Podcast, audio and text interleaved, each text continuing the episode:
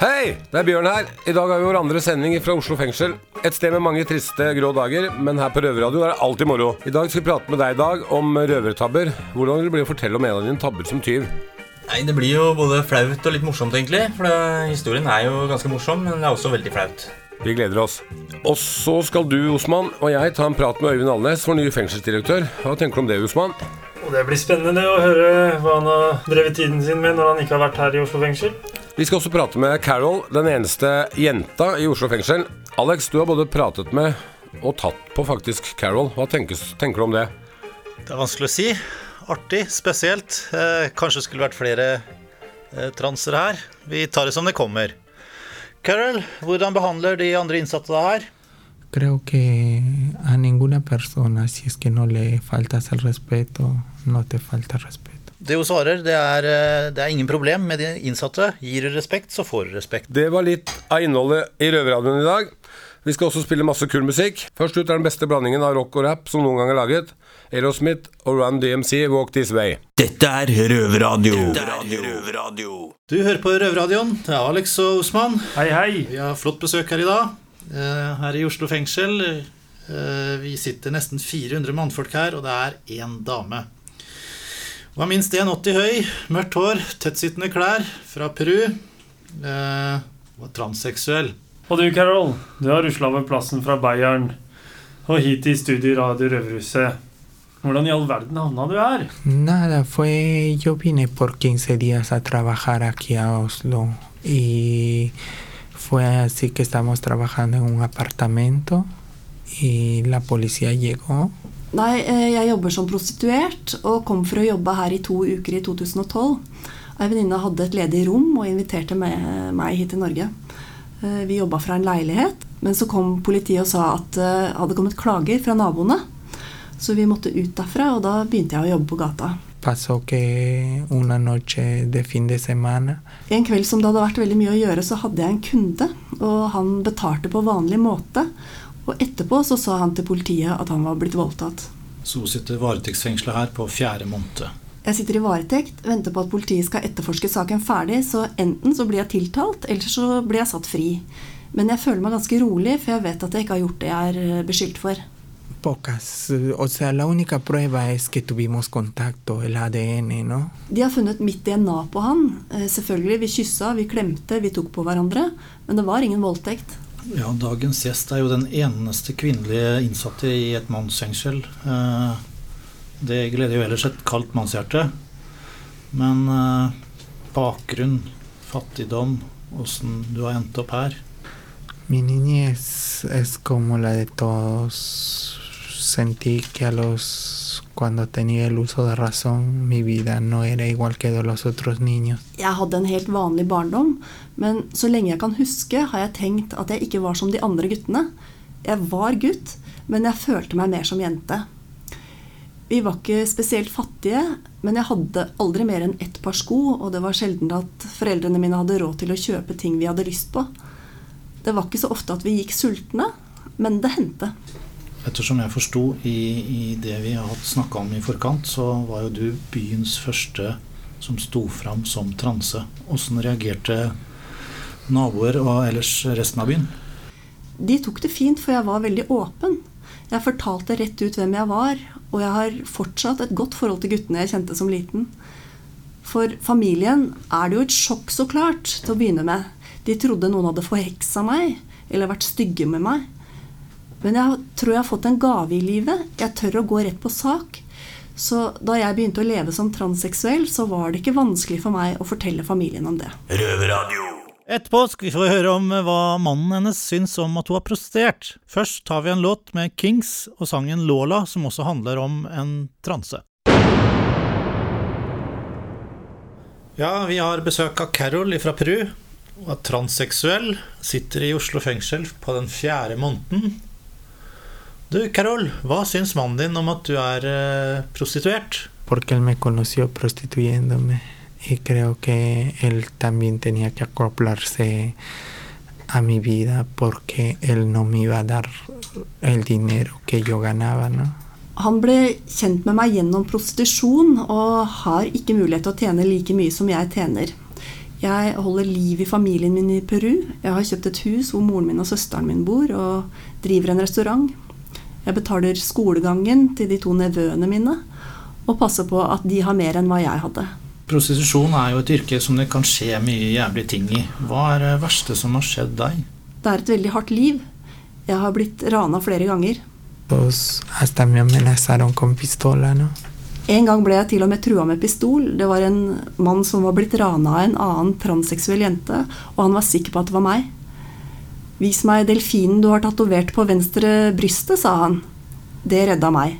Jeg trakk ned blusen og viste at jeg ikke hadde noen tatovering der.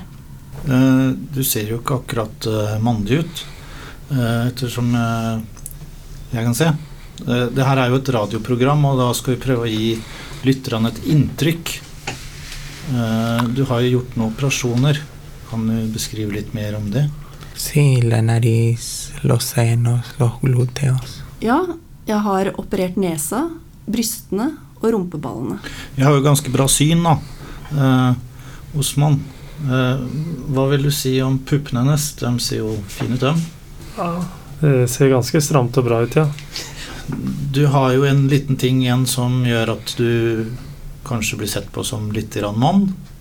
Eh, Ettersom jeg har forstått, så koster det 12 000 å ta det siste snittet. Hva er dine tanker om det? Cuando tenga los 12 mil euros, pienso que sí lo hago. Den dagen jeg har 12 000 euro, kommer jeg til å ta operasjonen. Men jeg lurer på, har du tenkt litt på pris etter operasjon? Det kan jo tenkes at ikke du er like spesiell. Si me hago el corte, yo no trabajaría, porque yo no me estoy haciendo el corte para trabajar, yo me estoy haciendo el corte para llevar ya una vida normal. Jo, men om jeg tar snittet, så er det ikke for å fortsette som prostituert. Da er det for å ha et helt vanlig liv. Hva er drømmejobben din etter løslatelse? Tener negocios, poner negocios de restaurantes, creo. Å ha en bedrift, en restaurant, tror jeg. Vi skal nå høre Lou Reed, 'Walk on the White Side'. Etter det skal vi høre om det er noen som diskriminerer eh, Carol her i Oslo fengsel. Vi har besøk av den eneste kvinnelige innsatte i Oslo fengsel. Carol fra Peru. Carol, du er transseksuell. Hvordan føler du oppholdet her er med tanke på trakassering eller forskjellsbehandling? Da tenker jeg mer på innsatte i fengselet. Con los presos no tengo ningún problema. Creo que a ninguna persona, si es que no le faltas el respeto, no te falta respeto. Jeg har ingen problemer med de innsatte. Gir du respekt, får du respekt. De ansatte behandler de deg bra? Algunos sí, pero algunos son molestosos porque ni siquiera te dan el saludo. Noen behandler meg bra, men noen er ubehagelige. De hilser ikke på deg engang. Hvordan kommuniserer du her i fengselet med ansatte? Mm, Muy difíciles porque muchas veces me comunico a través de señas. Det er veldig vanskelig, som oftest med tegn og gester.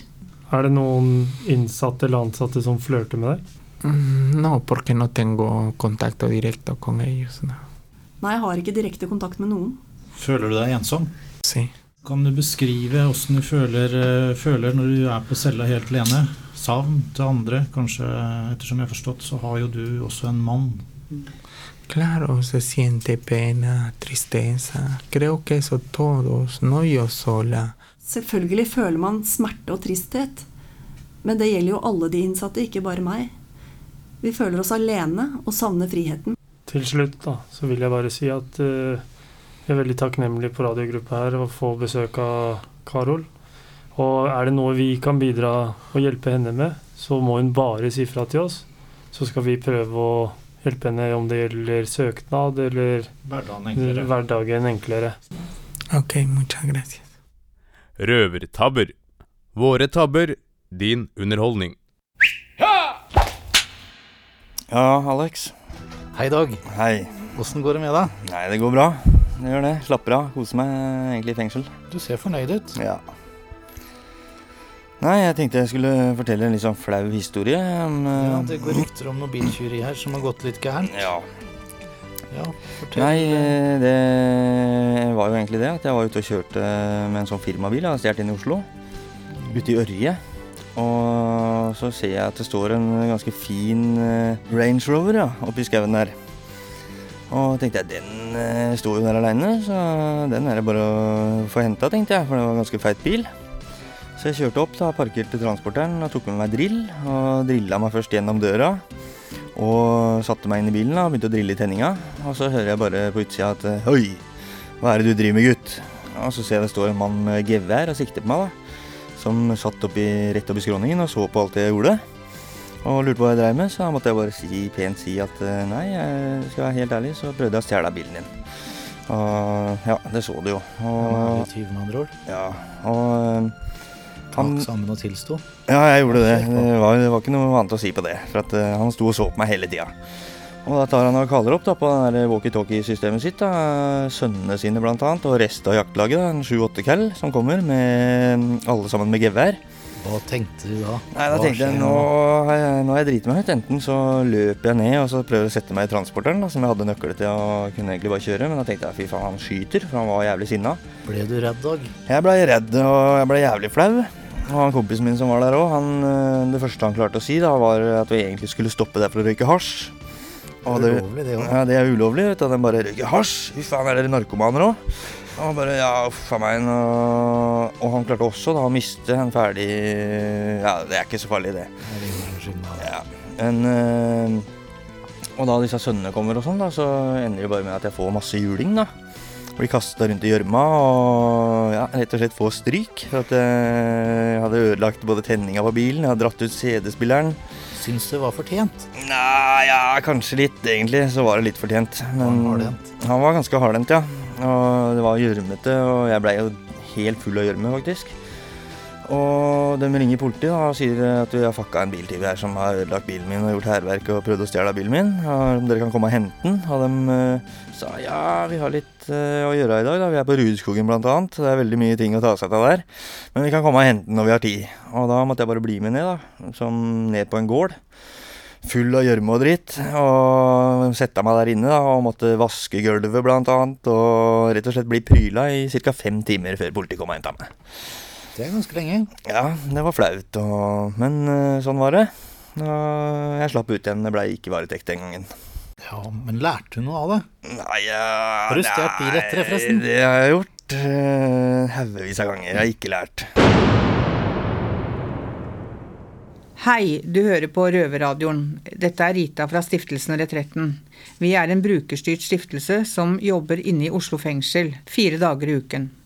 Vi som jobber her inne har tidligere brukererfaring som rusavhengig og kriminelle.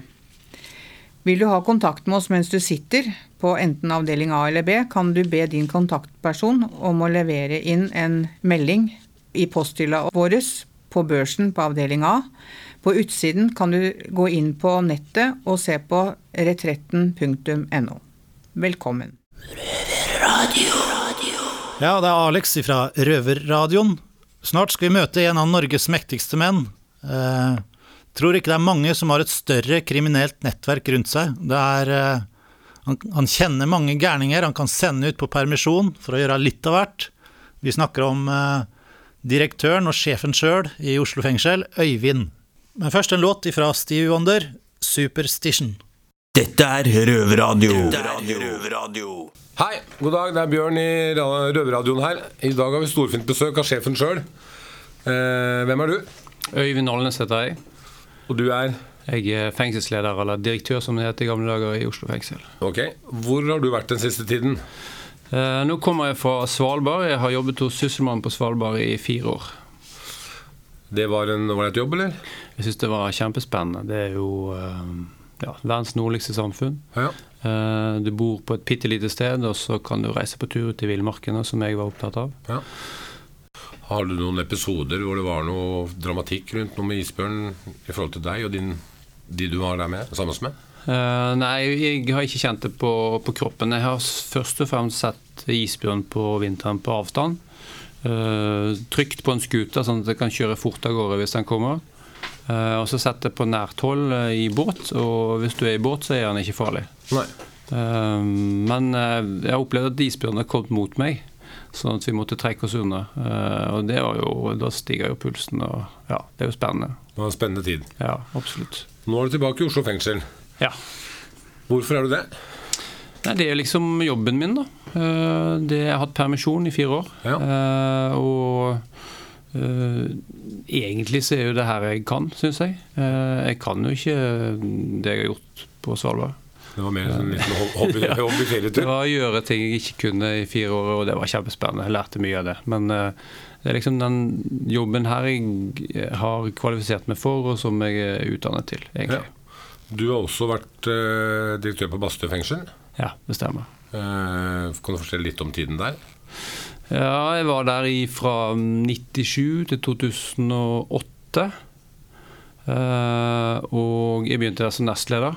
Og sammen med en daværende direktør Såheim så lagde vi et Han hadde mye tanker om det, økologiske fengselet. Eh, og jeg videreførte det da jeg ble direktør i 2000. Så vi lagde en sånn tiårsplan. Vi skulle lage verdens første humanøkologiske fengsel. Vi har hørt mye godt om ja. Alnes. Han, får, han får til ting, uansett om man er på Bastøy eller man er i Oslo fengsel. Ja, Du sa du var der fra 97 til 2000-tallet. Ja. Jeg rømte fra Bastøy fengsel i 2001-2002. Husker du, husker du meg? Nei, jeg husker ikke deg. Nei, Husker du episoden? Jeg husker episoden veldig godt. Jeg husker at du rømte med sjarken. Ja, vi var tre stykker. Ja. Uh, og så uh, Ja, og så ringte dere når dere kom fram og sa at det var gått greit. Det gjorde vi. Ja. Uh, hva tenker dere om det? At folk ringer og sier for at de er trygge i land? Nei, det syns jeg er kjempeflott. Ja. Det, det, skjedde, det har skjedd tidligere, Ja. uh, og det syns jeg er kjempefint. Uh, hvis folk blir borte på sjøen, så må du bruke mye ressurser og tid og energi på å lete etter folk. Uh, og det er bedre at de sier fra at de er hele enn at de skal drive på med det. Vi hadde også hørt det at det ville bli satt i gang leteaksjon når vi rømte og ikke sa ifra, så vi valgte å ringe fremfor å få en regning på Ja. mange hundre tusen etter, når vi kom tilbake igjen i fengsel. Ja. Her i studio sitter fortsatt direktøren i Oslo fengsel, Øyvind Alnes, som er tilbake etter fire år på Svalbard. Egon Olsen pleide å si 'jeg har en plan'. Øyvind Alnes, hva er din plan? Egentlig så eh, er det litt tidlig å si at jeg har eh, kjempestore planer. Eh, Jeg begynte på jobb i dag. Ja. Eh, Jeg har vært borte i fire år. Eh, Velkommen tilbake. Ja, tusen takk. Takk for det. Eh, Så hørte jeg på møter i dag tidlig at eh, vi fremdeles sliter med aktivisering av innsatte. Altså at det er ikke så veldig mange innsatte som har et skikkelig skole- og arbeidstilbud. Det er nok det som jeg er mest opptatt av, at eh, innsatte i minst mulig grad skal sitte inne på cella i dagevis og hele døgnet, liksom. Eh, har du noe lyst til å si til eh, innsatte, ansatte, utsatte på utsiden av porten? Uh, ja, det er kanskje Jeg, jeg, jeg lærte mye når jeg jobbet eh, på Ila, eh, og når jeg på Bastøy. Men på Bastøy så prøvde vi på en måte å systematisere det i en sånn, en sånn type litt sånn filosofisk tenkning, som vi kunne uttrykke med ord. Og da sa vi noe sånn som at det du høster, eller det du sår til omgivelsene dine, altså det jeg investerer i omgivelsene mine, Ja. det får jeg tilbake igjen. Ja. Så hvis de, hvis de behandler deg med respekt, da, så kan jeg få respekt tilbake igjen. Ja. Behandler jeg deg som dritt, så får jeg dritt tilbake igjen. ja. Veldig bra. Og det tror jeg gjelder eh, alle mennesker, om du er innsatt eller utsatt eller ansatt. Ja. Da lurer jeg på om det er noen av gutta som Ja, vil spørre om skulle jo egentlig ta guttas spørsmål, men vi har jo fått svar litt grann på Når jeg sitter og ser på deg, så er du ganske tynn i håret. Ja. Er det kona di, de ansatte eller de innsatte som er skyld i dette? Ja, det er et godt spørsmål. Jeg, er- litt usikker på om jeg tør å svare ærlig på det. Du har svart veldig ærlig Ja, jeg har det. Eh. Først så har jeg lyst til å si at eh, bare for 20 år siden så hadde jeg eh, hår ned på rumpa og lang krøller og sånn. Eh, Så jeg måtte gjemme opp i uniformslua mi, for det var ikke så kult å ha langt hår. Men eh, så forsvant det plutselig. Eh, og det kan hende at uh, det har blitt flere Nei, jeg vet ikke hva jeg skal svare på det. Eh, Jeg har også noen spørsmål angående røykeloven som Ja. er i ferd med å komme. Ja. Har du noen tanker angående problematikk rundt det?